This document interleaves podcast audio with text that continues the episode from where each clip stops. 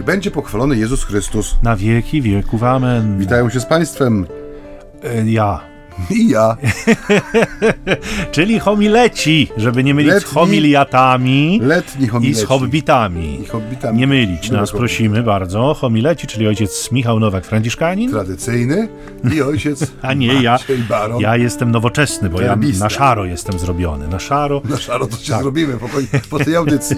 Drodzy Państwo, y, u Franciszkanów trochę ruchy są takie, habity się zmieniają, kolory, ale nie będą żółte, fioletowe grochy, tylko y, rzeczywiście część naszych prowincji, prowincja krakowska i gdańska, dopuściły używanie szarego habitu. Także już teraz będziecie mogli spotkać Franciszkanina konwentualnego w habicie szarym na mieście.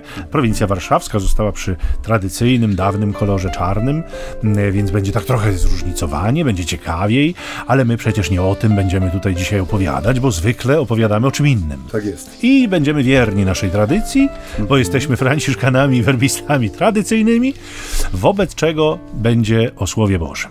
Audycja między nami, homiletami, Czyli ćwierć tony zambony. Uznaję ją za otwartą. Tak, tak, ostatnio ktoś nas posądził o pół tony zambony, ja chciałem zdementować te pogłoski. Jest daleko. To jest wierutne kłamstwo i y, ba- to było bardzo niegrzeczne, bardzo niegrzeczne. Drodzy Państwo, idźmy do Adremu, jak mawiali starożytni. Ja przeczytam Ewangelię, a ojciec Maciej zacznie, bo mówi, że ma sporo myśli wobec tej Ewangelii przygotowane. Jan, rozdział 6, wersety od 1 do 15. Dzisiaj Kościół tę Ewangelię nam proponuje. Jezus udał się na drugi brzeg jeziora galilejskiego, czyli tyberiackiego. Szedł za nim wielki tłum, bo oglądano znaki, jakie czynił dla tych, którzy chorowali. Jezus wszedł na wzgórze i usiadł tam ze swoimi uczniami, a zbliżało się święto żydowskie Pascha. Kiedy więc Jezus podniósł oczy i ujrzał, że liczne tłumy schodzą się do niego, rzekł do Filipa: Gdzie kupimy chleba, aby oni się najedli? A mówił to wystawiając go na próbę. Wiedział bowiem, co ma czynić. Odpowiedział mu Filip: Za dwieście denarów nie wystarczy chleba, aby każdy z nich mógł choć trochę otrzymać. Jeden z jego uczniów, Andrzej, brat Szymona Piotra, rzekł do niego: Jest tu jeden chłopiec, który ma pięć chlebów jęczmiennych i dwie ryby. Lecz cóż to jest dla tak wielu? Jezus zaś rzekł: Każcie ludziom usiąść. A w miejscu tym było wiele trawy. Usiedli więc mężczyźni, a liczba ich dochodziła do pięciu tysięcy. Jezus więc wziął chleby i odmówiwszy dziękczynienie, rozdał siedzącym, podobnie uczynił z rybami, rozdając tyle, ile kto chciał. A gdy się nasycili, rzekł do uczniów: Zbierzcie pozostałe ułomki, aby nic nie zginęło. Zebrali więc i ułomkami z pięciu chlebów jęczmiennych, pozostałymi po spożywających, napełnili dwanaście koszów. A kiedy ludzie spostrzegli, jaki znak uczynił Jezus, mówili: Ten prawdziwie jest prorokiem, który ma przyjść na świat. Gdy więc Jezus poznał, że mieli przyjść i porwać go, aby go obwołać królem, sam usunął się znów na górę. No, pięknie to się przeczytał, jak, jak zawsze, tak, to już tradycyjna wymiana zgranych komplementów. Pewien poziom ojciec Nastąpiła, utrzymać. Ojcze, o tak. czym jest ta Ewangelia, powiedz mi? To jest taka moja pierwsza myśl, ponieważ kiedy sobie przygotowywałem e, takie Tak. mm, punkty zaczepienia, bo nie, nie będę ukrywał, że lato, zwłaszcza ostatnie tygodnie, bo jesteśmy e, w środku wakacji właściwie już, nie tylko mówiąc do Państwa, ale nagrywając te słowa, chociaż dzisiaj troszeczkę chłodniej, to te ostatnie dni były takie bardzo wyczerpujące termicznie. I szukanie jakichś bardzo ambitnych e, tematów i e, myśli przychodziło mi z ogromnym trudem.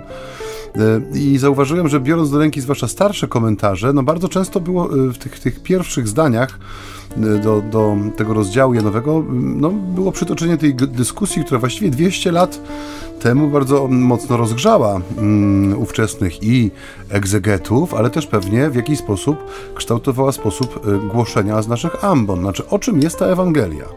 I dominują dwie takie mm, narracje, bo to jest takie modre, mocne i modne słowo dzisiaj. Pierwsza z nich mówi o tym, że to jest y, mowa eucharystyczna i cud eucharystyczny, który y, zapowiada, czy w jakiś sposób no, obrazuje nam, czym będzie Eucharystia, nie? że będzie ucztą, na której dla każdego z tego, co wydaje się takie małe i nikłe, będzie dość.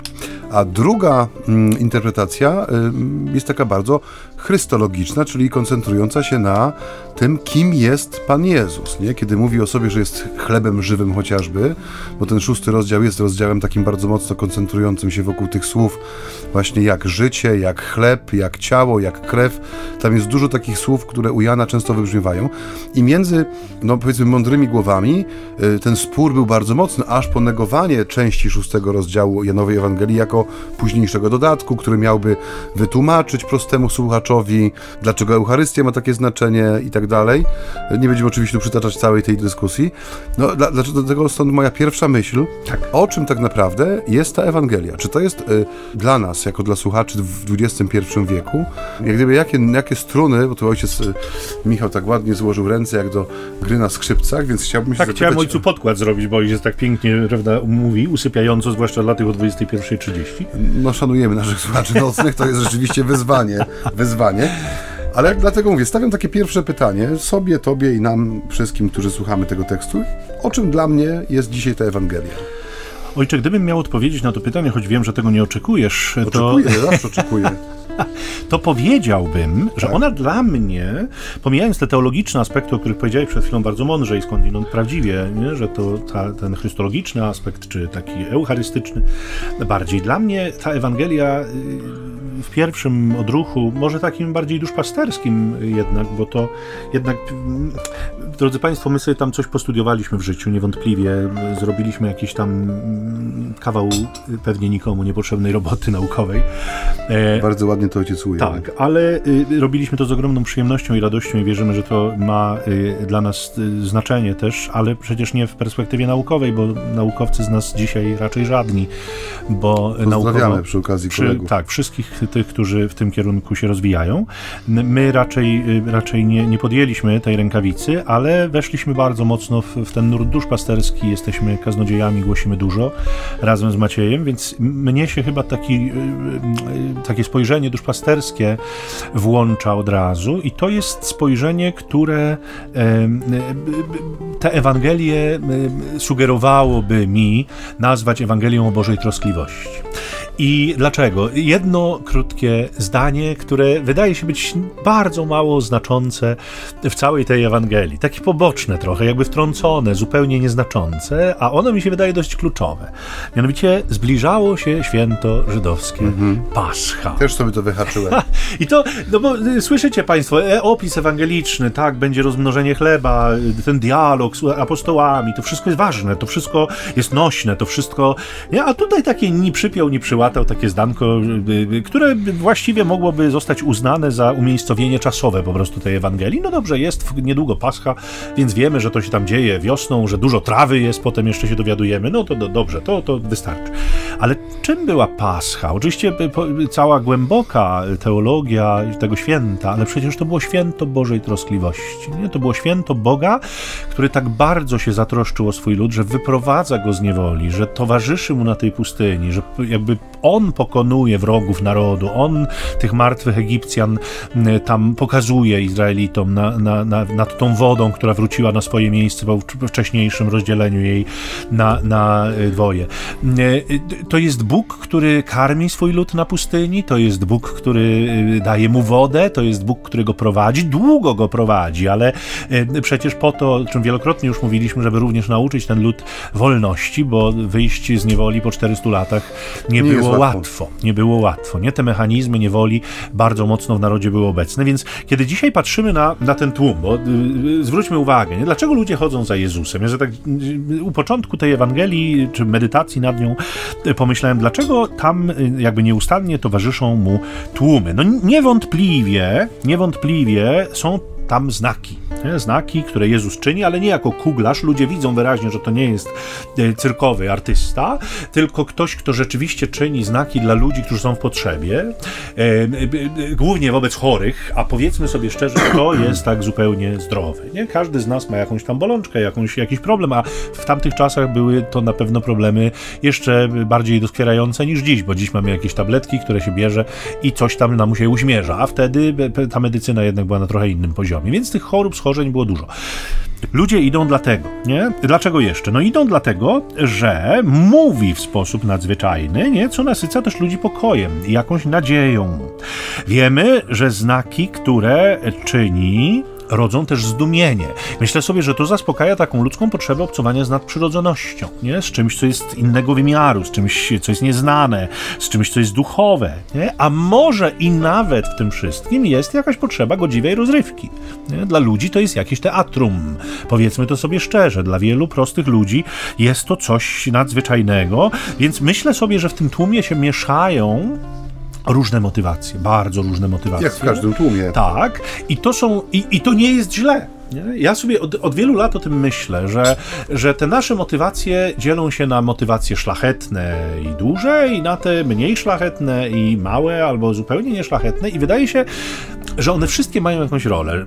Ja to sobie tak kiedyś zobrazowałem, być może już o tym wspominałem kiedyś przy jakiejś audycji, ale, ale zobrazowałem to sobie taką budowlą. Nie? Gdybyśmy te, te mocne i szlachetne motywacje uznali za duże kamienie, które będziemy kłaść jeden na drugim, jeden na drugim, to przy trzecim rzędzie wszystko nam runie, nie? Bo potrzebne jest spoiwo dla tych kamieni. Myślę sobie, że tym spoiwem są, tym betonem powiedzmy, są takie właśnie słabe, marne, liche nie, motywacje, które scalają jakby te duże, z których tak naprawdę się buduje dom. Nie? No nikt nie mówi, że buduje dom z zaprawy. Zaprawa jest potrzebna, żeby scalić duże kamienie, czy duże cegły, czy duże pustaki, czy z czego tam się akurat buduje. Nie? Więc myślę, że one mają znaczenie.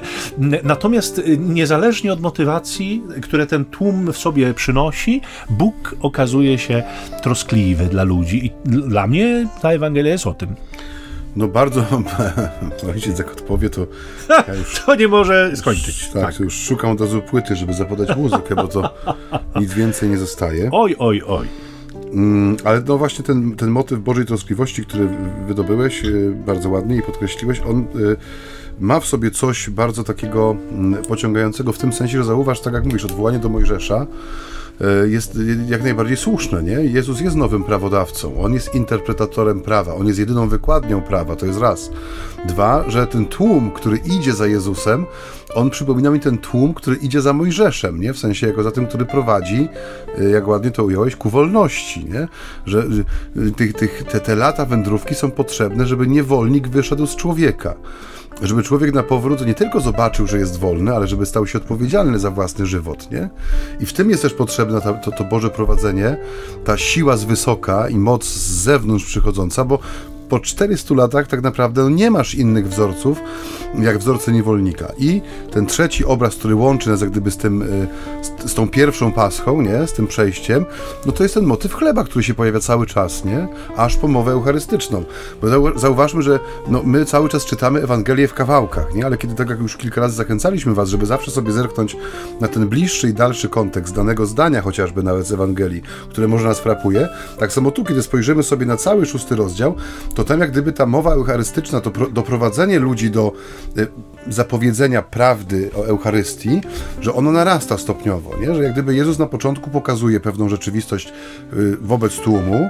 Zobaczcie, y, kim jestem, zobaczcie, co będzie się działo, jeżeli do, pozwolicie Panu działać, jeżeli to On będzie przewodził w tym życiu i aż po ten mm, no, ostatni fragment, który będziemy za jakiś czas rozważać, kiedy wielu uczniów odeszło. Nie potrafili, e, kiedy jedli do sytości za darmo, z tego, co było tak bardzo e, małe, w sensie tych, tych pięć chlebków, dwie rybki, to jeszcze im było blisko do Pana Jezusa, bo była chęć obwołania Go królem. Ale kiedy zaczęła się mowa E, już bardzo konkretna, kiedy było pokazane, jaki będzie związek tej ofiary Jezusa z życiem człowieka, że, że, to, będzie, e, że to będzie warunek jak gdyby przystępu, tej bliskości, nie? że kto nie spożywa, nie będzie miał udziału, nie? że to i wielu wtedy odchodziło, że to jest też cała e, długa droga, która jest w tym, w tym szóstym rozdziale Janowym, który będziemy teraz przez kilka niedziel rozważać, zawarta. I, I taka moja myśl z kolei jest teraz taka, żebyśmy może przez chwilę posłuchali muzyki, a my zbierzemy się do e, myśli numer dwa. Także zachęcamy Państwa do, można sobie zrobić jakąś herbatkę mrożoną na przykład, albo kawę mrożoną, bo to też jest dobre i wrócić za chwileczkę no to chyba z odświeżoną uwagą. Chyba tylko zalewając saszetkę zimną wodą, bo tak długiej piosenki nie będzie, żeby to nie? się dało zmrozić. Nie. Mm, ale zapraszamy mimo wszystko.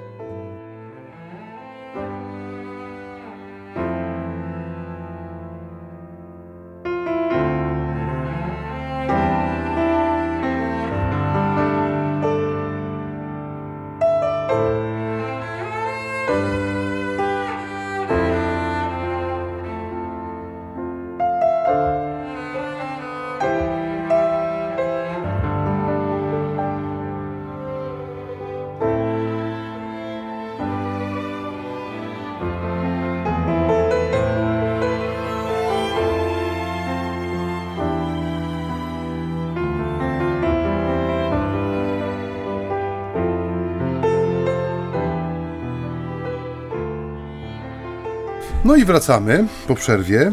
Gryzgot. E, Gryzgot, tak jest. I glik auf, jak mówiłem u nas na Śląsku. O, no to. I szczęść Boże. I szczęść Boże. Ojcze Michale, Tak, jestem tu. to pierwsze pytanie, które postawiłem, ono nie było ani przewrotne, ani podchwytliwe, o czym jest ta myślę, że- Ewangelia. Ja chciałbym teraz poruszyć jak gdyby drugi aspekt tejże Ewangelii, właściwie drugi paragraf, też czy trzeci, w zależności jak patrzeć na redakcję tekstu, e, że to jest Ewangelia o, takiej, e, o takim świadomym człowieczeństwie, w tym sensie, że jest to zdanie, które jest odpowiedzią na prośbę Jezusa, e, w sensie, żeby nakarmić tych ludzi, nie? I Filip odpowiada, że za 200 denarów nie wystarczy chleba, aby każdy z nich mógł choć trochę otrzymać. I e, te 200 denarów i ten, ten, ten skromny depozyt tego chłopaka młodego, który ma te pięć chlebków i dwie ryby, e, one są tak, no, na wieki wieków, amen, są zamknięte w tej Janowej Ewangelii jako ten taki obraz ludzkiej niewystarczalności, nie? że mm, do, do czego zmierzam? Już nie chodzi mi o czasy epidemiczne, tylko w ogóle o taką ludzką naturę jako taką. E, Zauważ, że dość często przychodzi nam zmierzyć się z rzeczami, które według naszej oceny są dla nas za duże. Nie? Że ktoś ci stawia, czy szef polecenie, czy przełożone zadanie, czy jakaś nowa funkcja przychodzi. Patrzysz na ogrom tej rzeczywistości, która jest przed tobą i masz taki pierwszy odruch, nie? Że, to, że to nie jest dla mnie, nie? że ja nie podołam, nie dam rady, to jest ponad moje siły, ja już tego nie dźwignę. Nie? Zwłaszcza jak żona remont mieszkania. Dokładnie, to już jest w ogóle. Najlepiej ewakuacja i wędrówka 40 lat przez pustynię.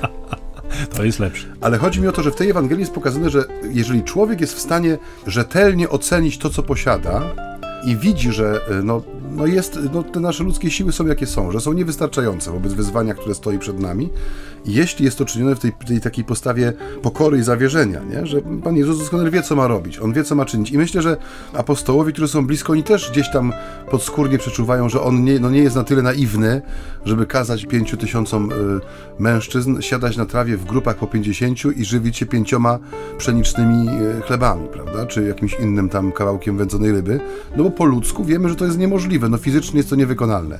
Ja to tak odbieram, że tu jest takie zaproszenie do tego, żeby realnie oceniać własne możliwości i skalę wyzwania, czy problemu, czy zadania, które przed nami stoi.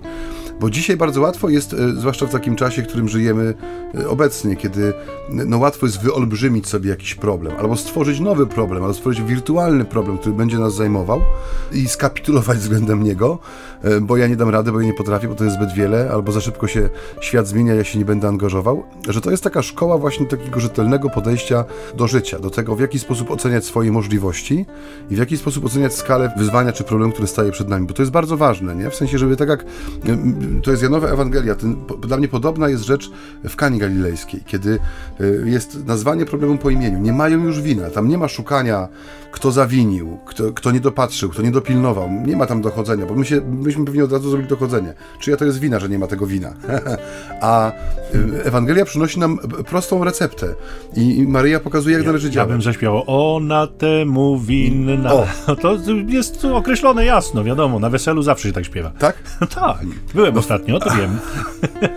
W każdym razie u Jana jest jak gdyby to podkreślone, ta, ta warstwa człowiecza Ewangelii, że ona musi być, że Ewangelia to nie jest baśń, to nie jest bajka, ale to jest y, to Boże dzieło, które dokonuje się w konkretnych warunkach. I żeby ona była rzeczywiście skuteczna, w sensie, żeby działo się to, co ma się zadziać, czyli żeby Pan Bóg mógł robić swoje, to człowiek musi no, być człowiekiem, musi używać swojego rozumu, musi używać swoich władzy i mocy, które ma, żeby rzete, rzetelnie tą rzeczywistość określić. Nie żebyśmy nie szukali igły w stogu siana, albo nie robili z igieł wideł w drugą stronę, bo to też jest możliwe. Nie? Dzisiaj festiwal z przys, przysłów i porzekader jest tak. I to dla mnie, i właśnie mówię, ten fragmencik, który mówi o tym też, też wydaje się taki trochę, no, mm, mm, bardzo taki dedaliczny, nie? że te 200 denar, denarów nie starczy. I że jest tutaj ten chłopak, który ma 5 chlebów. To podkreślenie tego ubóstwa środków, które jest e, przy człowieku wobec wszechmocy Pana Boga, że to nie ma nas wpędzać e, w kompleksy, czy właśnie nie ma w nas promować tej postawy takiej dosyć popularnej e, szybkiej kapitulacji albo udawania, że problem nie istnieje, tylko dla człowieka wierzącego to jest zaproszenie do tego, żeby pozwolić Panu działać. Właśnie, ojcze, dla człowieka wierzącego. Ja y, y, tego bym się tu uchwycił. Też bardzo podoba mi się ten twój kierunek myślenia, y, to spo, spostrzeżenie dotyczące samych apostołów i ich człowieczeństwa i tego, w jaki sposób ono winno być przeżywane. Natomiast ten wątek wiary wydaje się być szalenie istotny, bo mam takie wrażenie, że wobec Filipa, Jezus wypowiadając te, te słowa yy, do Filipa, yy, bada jakby jego wolność wewnętrzną. Nie? To znaczy trochę tak, jakby sugerował, że człowiek, który wierzy, że uczeń Jezusa nie może mieć w sobie żadnych ograniczeń. Nie? Że to jest człowiek, który nie ma ograniczeń ani w myśleniu, ani w działaniu, on ma mieć rozmach. To wiele wieków później yy, święty Franciszek z Asyżu w, w ramach właśnie przysłowia mądrością narodu, on miał takie swoje powiedzenie, które bardzo często się pojawiało. Bóg mój i wszystko moje. Nie? To ja jestem sługą Boga, jestem dzieckiem Boga. Jeżeli jestem dzieckiem Boga, to On jest właścicielem wszystkiego i wszystko jest moje. Oczywiście Franciszek był bardzo powściągliwy w użytkowaniu, ale, ale miał takie poczucie, że, że jest użytkownikiem wszystkiego. Nie? I pytanie, gdzie kupimy jest takim pytaniem o takie stereotypowe, schematyczne działania czy sposoby myślenia, nie o takie najprostsze rozwiązania, bo taka, taka, taki teścik, taka próba dla Filipa, no bo najprościej jest kupić, nie? to jest najprościej. Kiedy Jezus wysyłał swoich apostołów, y, Państwo pamiętacie tę Ewangelię, y, to mówił im nie zabierajcie trzosa, nie zabierajcie laski, nie zabierajcie sandałów, nie zabierajcie dwóch sukien, idźcie tam, gdzie was przyjmą, tam zostańcie i sobie, że tak powiem, stamtąd wychodźcie, no najprościej by było powiedzieć, Panie Jezu, ale po co, nie? No daj nam po 20 zł denarów. Kieszonkowego. Tak, kieszonkowego. I my tam sobie kupimy coś do jedzenia, my sobie jakąś knajpkę czy, czy, czy karczmę wynajmiemy, prześpimy. No to by było najprostsze, to by było coś, co, co idzie jakby w zgodzie z tymi stereotypowymi rozwiązaniami, nie? Bo kupić najłatwiej, tylko trzeba mieć skądś pieniądze, nie? To może jakąś zbióreczkę byśmy zrobili, może to, właśnie może to jest to, że, że, możemy kupić, ale to posadźmy tych ludzi i koszyczek przepuścimy tam, niech zbiorą, my potem pójdziemy, kupimy i najprostsze. Nie tylko, że takie rozwiązania, one w żadnym wypadku nie różnią, czy nie różniłyby uczniów od pogan. Nie? Uczeń Jezusa to jest ktoś zupełnie inny. Kupić potrafi każdy. Tu nie trzeba mieć wiary. Nie? Więc jakby y, y, pierwsza rzecz jest taka, nie? Człowiek wolny, wierzący to jest człowiek wolny także od swoich ograniczeń, także od swoich stereotypów, schematów myślenia, nie? To jest ktoś, kto jest w stanie je przekroczyć. I bardzo ciekawie, myślę, na tym tle wypada Andrzej, który idzie już o krok dalej. Andrzej, który y, jakby nadal stoi w połowie drogi, mhm. nie? ale no coś mamy, ale właściwie nic nie mamy. Nie? Tak jakby trochę dopuszczał, że ta maleńka ilość mogłaby coś zmienić, ale nie miałby zielonego pojęcia jak.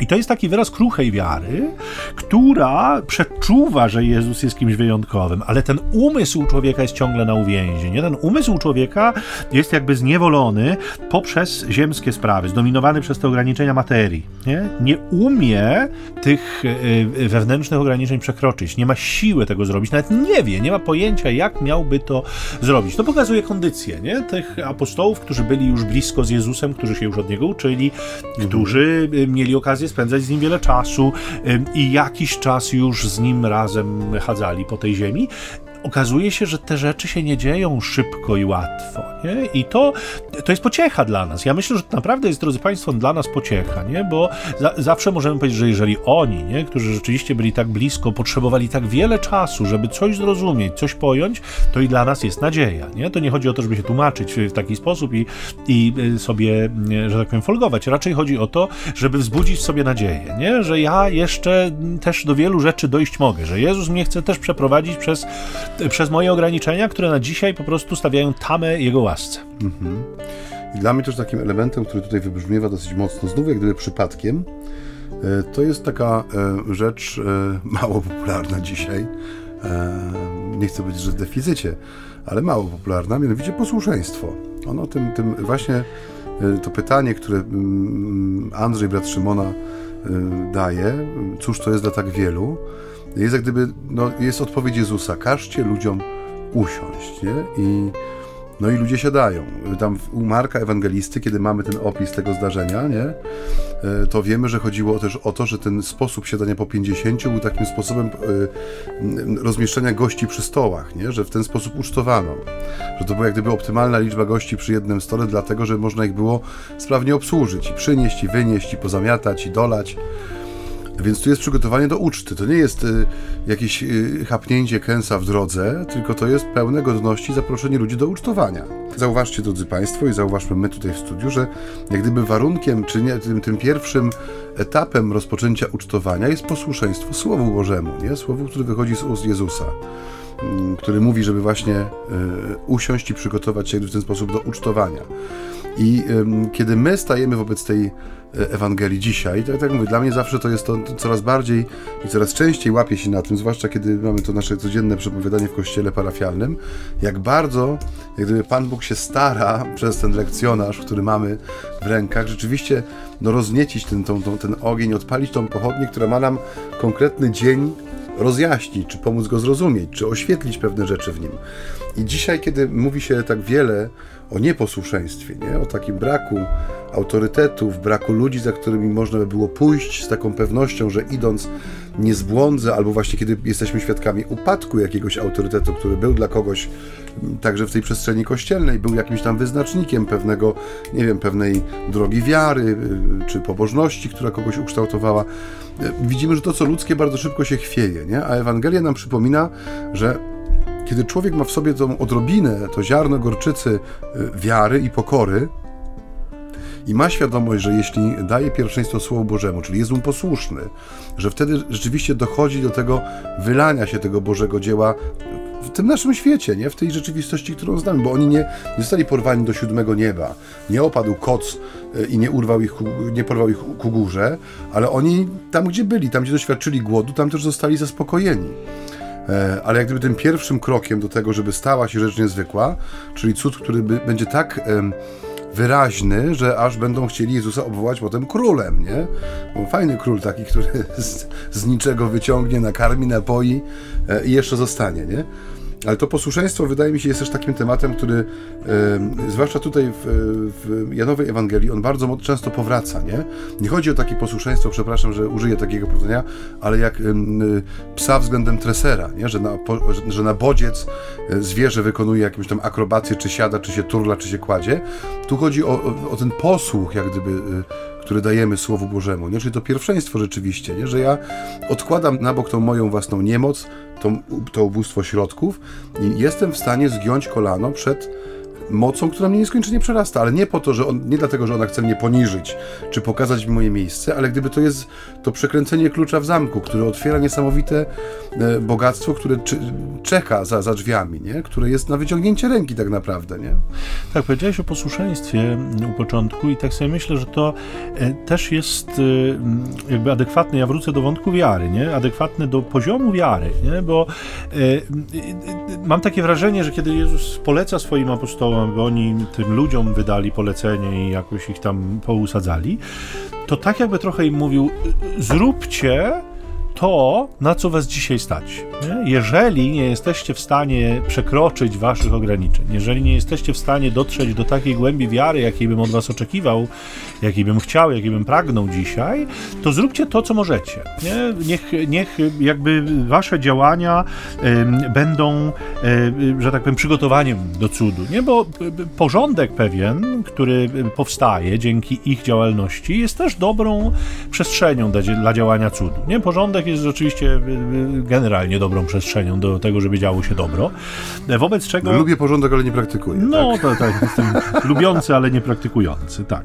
Więc oni rzeczywiście robią to, co im poleca Jezus, co pozwala, jeszcze raz powiem, przygotować e, ten cud, zorientować się o potrzebach ludzi, nie? no bo to okazuje się, że jest ich 5 tysięcy, tych ludzi, a jednocześnie pozwala też przewidywać rozmiar cudu. Natomiast e, zastanowiła mnie, zastanowiła mnie inna rzecz, nie? czy apostołowie rzeczywiście mają nadzieję na cud.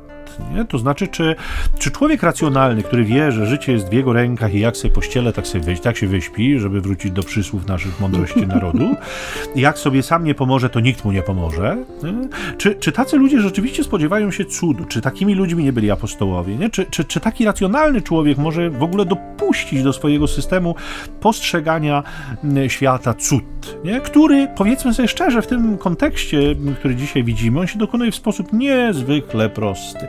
Mnie to zawsze intrygowało i zastanawiało, nie? Jak to było? Czy, czy, czy co, ten Jezus łamał ten chleb, no bo to taki łamany chleb, wiecie Państwo, że na wschodzie się nie, nie kroi chleba. To jest bardzo ciekawe Kiedyś słyszałem wypowiedź księdza y, profesora Waldemara Chrostowskiego, który, który wśród wielu różnych swoich zaangażowań jest również przewodnikiem po Ziemi Świętej od wielu lat. Ma tam swoich także przyjaciół miejscowych, lokalnych, no i, i mówi, że kiedyś jeden z jego arabskich przyjaciół wysłał swojego syna na studia do Polski i ten syn przybył do Polski i e, po jakimś tam czasie się spotkali z księdzem profesorem i ksiądz profesor mówi, co cię tu tak najbardziej w tej Polsce uderzyło, w taki, co cię zaskoczyło, w taki negatywny może sposób i mówisz, dla niego ta odpowiedź tego chłopaka młodego była zaskakująca. On mówi, e, e, że najbardziej go zaskoczyło to, że ludzie kroją chleb. Bo moja mama mówiła w domu, że jak się kroi chleb, to chleb płacze. Nie? Chleb się łamie, nie kroi.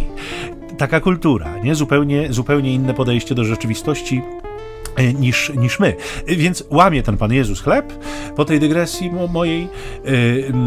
I tak sobie myślałem zawsze, jak to było? Czy ten chleb odrastał on go łamał, a on odrastał?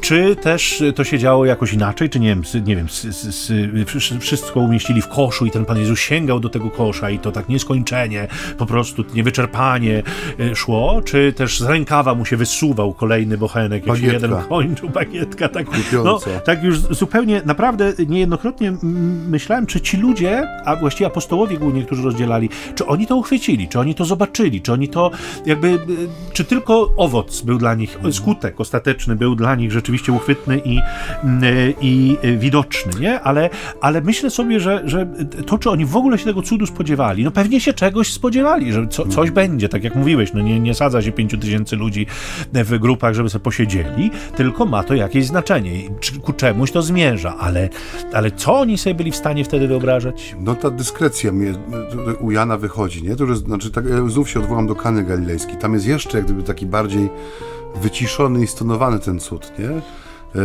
ja sobie tak zawsze wyobrażam, jak e, tą kanę galilejską, jak ci to, to zdumienie na twarzach tych sług, którym mówią zaczerpnijcie i zanieście do sanepidu, znaczy do starosty weselnego, tak. który wam powie, czy to się nadaje do picia, czy nie, czy można położyć, czy dać na stół to wino, czy nie. No, to, to, do sommeliera. Ja, do sommeliera, tak. tak. E, ja, no, sta, ja, tak jak mówisz, ja staram sobie wyobrazić ich twarze, nie? Ludzi, którzy znają swoją robotę, co więcej, wiedzą, co robili przez ostatnie pół godziny, że targali wodę do umywalek, no bo tak, te, taką, taką funkcję pełniły te stągwie. Mm, I, tu, i, i, I nagle okazuje się, że no, gdzieś po kryjomu no, stał się cud, nie? W sensie w, tym, w tej ciszy, może w tym, tym, nie wiem, posapywaniu tych zmęczonych ludzi, którzy nosili tę wodę. Że gdzieś w tym wszystkim, w tym posłuszeństwie też słowu, które zostało do nich wypowiedziane, czyli, czyli napełnijcie stągie wodą i zaczerpnijcie i zanieście, że gdzieś się y, y, Pan Bóg w tym kryje, nie? Tak bardzo po cichutku i dyskretnie. I tu jest, tak jak mówisz, tu też sobie tak siedziałem, często do tego wracam, nie? Czy to właśnie było tak, że ten, z tego kosza cały czas wychodziły nowe bochenki? Y, postarajmy się sobie wyobrazić. 5 tysięcy ludzi, kolejka, no, dosyć długa, jak do szczepień na Narodowym. Wracając do naszej audycji uwaga, e, mnie zawsze frapuje, jak, jak to się dokonało. Chcia, chciałbym to widzieć, w tym sensie mam taką wyobraźnię czasami filmową i staram się zobaczyć. No 5 tysięcy ludzi to jest potężna kolejka ludzi, znaczy siedząca w grupach.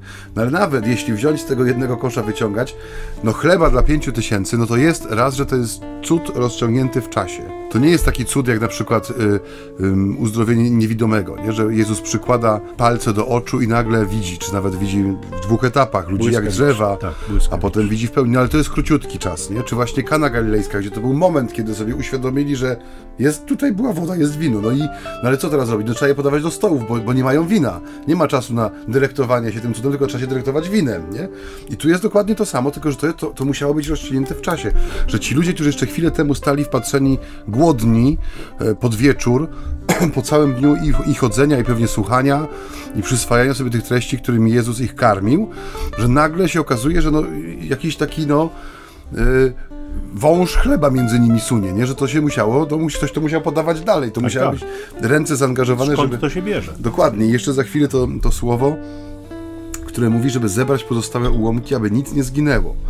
E, I 12 koszów zostało zapełnionych ułomkami, czyli tego było tyle, że jeszcze zostało. To nie było tak, że, że to no, ponaciągaliśmy ten chlebek tak, że tam każdemu po drobince, nie? Tylko tu jeszcze kosze ułomków zostały, jakby dla podkreślenia tego, czy to nie jest alegoria, że to nie jest symboliczne nakarmienie ludzi, czy ukojenie ich, nie wiem, ciepłym głosem Pana Jezusa, także posnęli na tej trawie, zapomnieli, że, że są głodni, tylko nie jeszcze musieli posprzątać po tym, co zjedli, nie?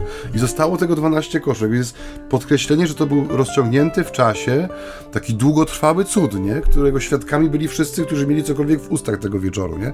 To jest dla mnie niezwykłe, że, że nam to też czasami ucieka, nie? Że poprzestajemy na liczbie, albo właśnie na tym podkreśleniu, żeby te, te pięć chlebków, dwie rybki, że chłopak i tak dalej nie miał, a dał, że był szczodry, albo że niektórzy chcieli tłumaczyć, że no jak już zobaczyli, że to dziecko przyniosło, to każdy miał skitrane pod pazuchą jakiś tam kawałek chleba i wszyscy wyje, wyjęli i jedli, nie? Bo takie były interpretacje też tego, te, tego, tego znaku, że to nie był żaden cud, tylko to był cud ludzkiej życzliwości względem siebie nawzajem. Nie. Ciekawe, jak tego dzieciaka namówili w ogóle, nie? Żeby oddał samo dostrzeżenie tego, że ten, chłopiec, byli, no. że ten chłopiec miał te chleby, samo dostrzeżenie przez Andrzeja jest też dosyć z, z, znamienite.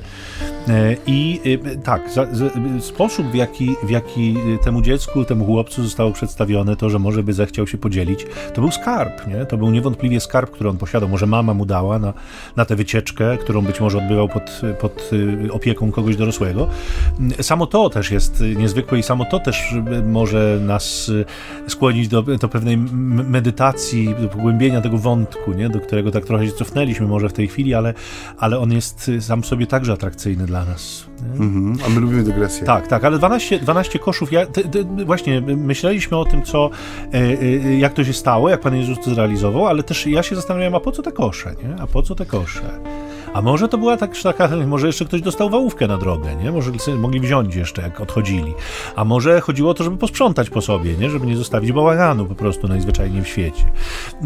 A może ci ludzie też zbierając to, jakoś oddając, też mieli swój udział w tym cudzie w jakimś sensie, że, że ich ręce też w tym uczestniczyły, nie? Nie tylko ręce apostolskie, które rozdzielały ten chleb, roznosiły właściwie, bo rozdzielał sam Jezus, nie? Wszystko ma znaczenie, wszystko jest jest ważne. Nie? Wszystko jest ważne jakoś. To, co czyni Pan Jezus, wszystko ma, ma, ma ogromnie dużo znaczeń. Y, y, jeden aspekt jeszcze mnie bardzo tutaj y, tak. przykuwa, to jest to dziękczynienie. Mhm. Jakby Jezus wskazywał na ostatecznego posiadacza chleba, nie? na tego, do którego chleb należy, nie? do tego, który, że tak powiem, no, żywi ptaki i, i, i lilie odziewa i myślę sobie, że gdybyśmy mieli wiarę, o jaką jemu chodzi, i używali dóbr tego świata tylko do tego, do czego służą i powinny służyć, że nigdy nam by ich nie brakowało. Nie, nie brakowało. Ta rola wdzięczności e, i dziękczynienia w naszym życiu, drodzy Państwo, mnie się to bardzo mocno kojarzy w kontekście tej Ewangelii z taką naszą modlitwą około posiłkową, nie? Czyli przed mhm. posiłkiem i po posiłku. My, te modlitwy są oczywiście różne, one są czasem improwizowane, czasem są już jakoś tam ułożone. Mm, e, w naszym zakonie, zresztą w każdym zakonie, każdy zakon ma jakąś tam swoją tradycję modlitewną w, te, w, w tych przed posiłkiem czy po posiłku, ale, ale o co chodzi? Nie? Chodzi o to, żebyśmy sobie przed posiłkiem i po posiłku uświadomili, nie? kto jest dawcą tak, tego nie to cośmy zjedli, żeśmy zjedli, bo może to też ważne, ale, ale skąd myśmy to otrzymali, nie? że to nie jest owoc pracy y, naszych rąk na zasadzie, żeśmy sami sobie to wyprodukowali to takie nasze. Nie, to jest dar. Nie? To, że mogliśmy sami to wytworzyć, choć w większości rzeczy przecież sami ich nie wytwarzamy, tylko je kupujemy właśnie, ale sam fakt, że je mamy, jest darem naszego Ojca w niebie. Nie? I to y, uzmysłowienie nam tej sytuacji y, wydaje mi się być też takim celem tejże Ewangelii. Nie, nie, nie, nie bójcie się, nie wstydźcie się modlić przed posiłkiem, nie wstydźcie się dziękować Bogu za to, co jecie. Może warto swoimi słowami, może warto coś ułożyć takiego, co w rodzinach będziecie odmawiali jako, jako waszą taką modlitwę. To jest tak urzekające, jak bywam w domach katolickich, w których jest jakaś modlitwa, którą się odmawia w, w, z dziećmi. Ona czasem jest bardzo taka dziecięca, jak dzieci są małe, potem ewoluuje, staje się taką poważniejszą modlitwą. Bardzo często odmawia ją ojciec jako głowa rodziny, mm, ten, który przewodzi wspólnocie kościoła domowego bardzo to jest piękne, nie? jeśli ludzie potrafią dostrzegać dary, nie? które daje Bóg. Pięknie to się podsumowało. Właściwie powoli Podsumowałem już? już? Powoli trzeba już kończyć, proszę ojca. Ojej, a tak? tak się dobrze gada. Czerwone flagi, pomidory na szybie rozmazane. Tadeusz rzuca książkami. Chce nam powiedzieć, że już blisko końca, a my nic, cały czas. Nieprawda, jest spokojnie. Ale to, co ojciec powiedział jeszcze tak na koniec, może taka ta, ta myśl właśnie o tej wspólnocie, którą tworzy Jezus, nie? Że mm, zauważmy, że On z tego tłumu, który jest na początku Ewangelii, tworzy małe wspólnoty, nie? Ja kiedyś, kiedy czytałem sobie książki, kiedy ojciec Michał wspominał, studiowaliśmy mądre rzeczy, na, na, na uniwersytecie, znalazłem taką książkę napisaną przez jakiegoś teologa z Ameryki Łacińskiej, gdzie ten powiedzmy ruch małych wspólnot, czy tych takich grup podstawowych, czy wspólnot podstawowych, no przez wiele lat był takim kręgosłupem kościoła, nie? zwłaszcza w terenach misyjnych, gdzie pracowali moi współbracia, którzy no rzeczywiście mówili, że parafia, y, no, w rozumieniu naszym europejskim, a parafia powiedzmy gdzieś tam y, w, w Amazonii, no to są dwa różne światy, nie? 200 wspólnot oddalonych od siebie o parę tysięcy kilometrów w sumie, pierwsza od ostatniej. No przecież tych ludzi nie da się zebrać razem na świętowanie Bożego Narodzenia czy Wielkanocy. Y, co więcej, no, w ciągu roku nie jest się w stanie wszystkich tych miejsc odwiedzić. Często jest tak, że kapłan, ksiądz, misjonarz czy brat zakonny, nawet z katechistą, jedną taką wspólnotę odwiedzają raz na półtorej roku, raz na dwa lata będąc nieustannie w drodze rzeczywiście, ale co właśnie potwierdzają, że ta idea właśnie, żeby z tego tłumu uczynić wspólnotę, która dzisiaj jest, y, po 50 osób, nie? czyli taką, w której widać twarz bliźniego, nie? bo w tłumie tak. pięciotysięcznym jesteśmy anonimową masą, nie? a Jezus zawsze ma to, y, w Ewangelii zwłaszcza to wychodzi u Marka, nie? że on wyciąga człowieka z tłumu i stawia go przed sobą, nie? że to wtedy zaczyna się jego uzdrowienie, kiedy on zyskuje jak gdyby indywidualną twarz, tożsamość. Nie? I tu jest jak gdyby też nacisk na to położony, że ten stół, który nas gromadzi, który czyni tą podstawową wspólnotę, czy to w domu, czy ten stół ołtarza, który, który gromadzi nas w rodzinę dzieci bożych, nie? że to są miejsca naprawdę uświęcone w, ten, w tym sensie, że jest to jedno z pierwszych miejsc, gdzie my doświadczamy tej Bożej obfitości, Bożej łaskawości, Bożego dobra, nie? I to, co mówisz, że ten zwyczaj modlitwy przed i po posiłku, że ja czasami, e, no tak jak mówisz, no, spotykasz e, rodziny czy wspólnoty, które naprawdę potrafią w sposób poruszający podkreślić, że to, że to, że my jesteśmy razem, że tworzymy tą wspólnotę wokół tego stołu, że to, co jest na stole, że to wszystko jest darem, nie? że to nie są rzeczy z automatu mi należne, że to nie jest coś oczywistego, że my mamy ten chleb na stole, nie? Że, to, że jak gdyby ten wymiar też tej nieoczywistości tego daru, bo mówimy się do wielu rzeczy przyzwyczajamy, że one po prostu są, nie? No ja się znowu odwołam do tego zeszłego roku, kiedy, e, kiedy ten złowrogi wirus nam tutaj zapanował i ten, te, te, ten przerażający dla niektórych widok pustych półek sklepowych, nie? Bo był lęk, że braknie tego, co zawsze było, nie? No i ten, te kuriozalne obrazki ludzi jak za komuny obwieszonych rolkami papieru toaletowego i, i workami ryżu i makaronu. No, na, dzisiaj, dzisiaj się z tego śmiejemy, ale rok temu e, no nie jedno serduszko zależało, nie? że nie będzie tak jak było, nie? że może być tak, że nie będzie, że braknie, tak. że będzie pusto. Nie? A przecież nikt nie ma nic w zamrażarkach specjalnie, no bo nie trzeba, bo no. przecież można sobie wyjść i kupić w każdej chwili. Tak, wszystko jest darem, ojcze. Yy, zapisałem sobie cykl pytań na koniec. Tak? Widzisz cud? Pozwalasz na cud? Uczestniczysz w cudzie? Wierzysz w cud? Wprowadzasz innych w cud? Cenisz cud? Jesteś wdzięczny? Za cud? Ja mam odpowiedzieć na to Nie, ojcze, rzucam je w eter. Aha. Rzucam je w eter do każdego z nas. Y, około, około cudowna Ewangelia. Ewangelia o troskliwości Bożej, Ewangelia o Bogu obecnym, y, zajmującym się najbardziej podstawowymi ludzkimi potrzebami, a jednocześnie troskliwemu o naszą wiarę, o to, żebyśmy nie tylko naszych rąk używali, nie tylko naszych rozumów używali, ale używali także jakby naszych serc, które w biblijnym języku są tym centrum decyzyjnym, w którym y, jakby krzyżują się te drogi Boże i drogi ludzkie. I oby te nasze serca były żywe, i oby nie były śpiące, i oby rzeczywiście Pan miał tam czego szukać i znalazł. No ja już tylko mogę zagrać na gitarze. na skrzypcach, na skrzypcach, ojcze, to, to, to skrzypce tylko. I tym to sposobem, moi drodzy, nie wiem, czy dotknęliśmy wszystkich tematów, pewnie jeszcze byśmy trochę ich znaleźli tutaj. Czas, mnie już przynajmniej dwa, trzy kiełkują, ale to może przy następnej edycji, jak dojdziemy znowu no, do roku B, kto wie. Wytrwamy e, może. Tak, za dzisiaj e, jesteśmy Wam bardzo wdzięczni, że mimo tej letniej, mamy nadzieję, słonecznej, ciepłej pogody jesteście z nami, czy to przy radioodbiornikach, czy za pośrednictwem internetu, czy też odsłuchując sobie tę audycję kiedykolwiek z zasobów e, Spotify, czy Deezera, czy Google Podcast, bo to już nie będę tego na, to, na koniec dodawał, ale zachęcamy Was do tego, żeby też sobie odsłuchać archiwalne mm, audycje, może macie jakieś, tam zawsze są podane sigle biblijne, zwłaszcza na Spotify'u, więc można sobie po prostu po, po fragmentach Ewangelii szukać też naszych audycji i znaleźć je. Także zachęcamy do tego, żeby szperać i odsłuchiwać te archiwalne. One też są całkiem zabawne i bardzo przyzwoicie poprowadzone. Także zachęcamy i zapraszamy. Bardzo dziękujemy Wam za Waszą obecność przy nas też. Wiemy, że, że jesteście, bo każdej niedzieli przychodzi kilka SMS-ów. No jednej było ponad 20. Pamiętam, że odbierałem od ojca Michała wiadomości. Myślałem sobie derwizem, ja to jedna za drugą. Tak, Tyle tak. recenzji. Mm. Przesyłam ojcu Maciejowi zawsze to, co otrzymam. Zawiaduję tym naszym numerem y, y, SMS-owym, y, na który można coś do nas wysyłać. Bardzo, bardzo Wam dziękujemy. To dla nas szalenie miłe. Ja czasem zapominam, że niedziela, że audycje lecą w radio i jestem gdzieś przy ołtarzu i tak stoję i, w, że tak powiem, mi ten telefon brr, tam brr i brr co chwilę. Okazuje się, że przecież 12, tak? Jest, y, jest audycja się skończyła właśnie w Radio Niepokalanów, więc ktoś pisze jakieś miłe słowo. Oczywiście telefon jest wyciszony, e, tylko ja wiem, że on tam się odzywa, ale, ale mm, y, potem rzeczywiście y, sięgam i, i to są najczęściej bardzo, bardzo miłe słowa. Bardzo Wam z całego serca za to dziękujemy i, i zapraszamy do tego kontaktu z nami. Ten numer telefonu to 785 777 100 785 777 100. Przypominam, dla y, y, wiadomości tekstowych. Tak, i jeszcze jest grupa na Facebooku. Ona troszeczkę ostatnio nam tak przysiadła przez ten czas wakacyjny, ale ja też miałem trochę innych zajęć i nie zawsze mogłem tam zaglądać regularnie, ale mamy już ponad 240, 250 nawet e, członków w tej grupie. Ja zachęcam do komentowania. Zawsze staram się te posty tam, które są umieszczane, e, one są otwarte oczywiście do dyskusji.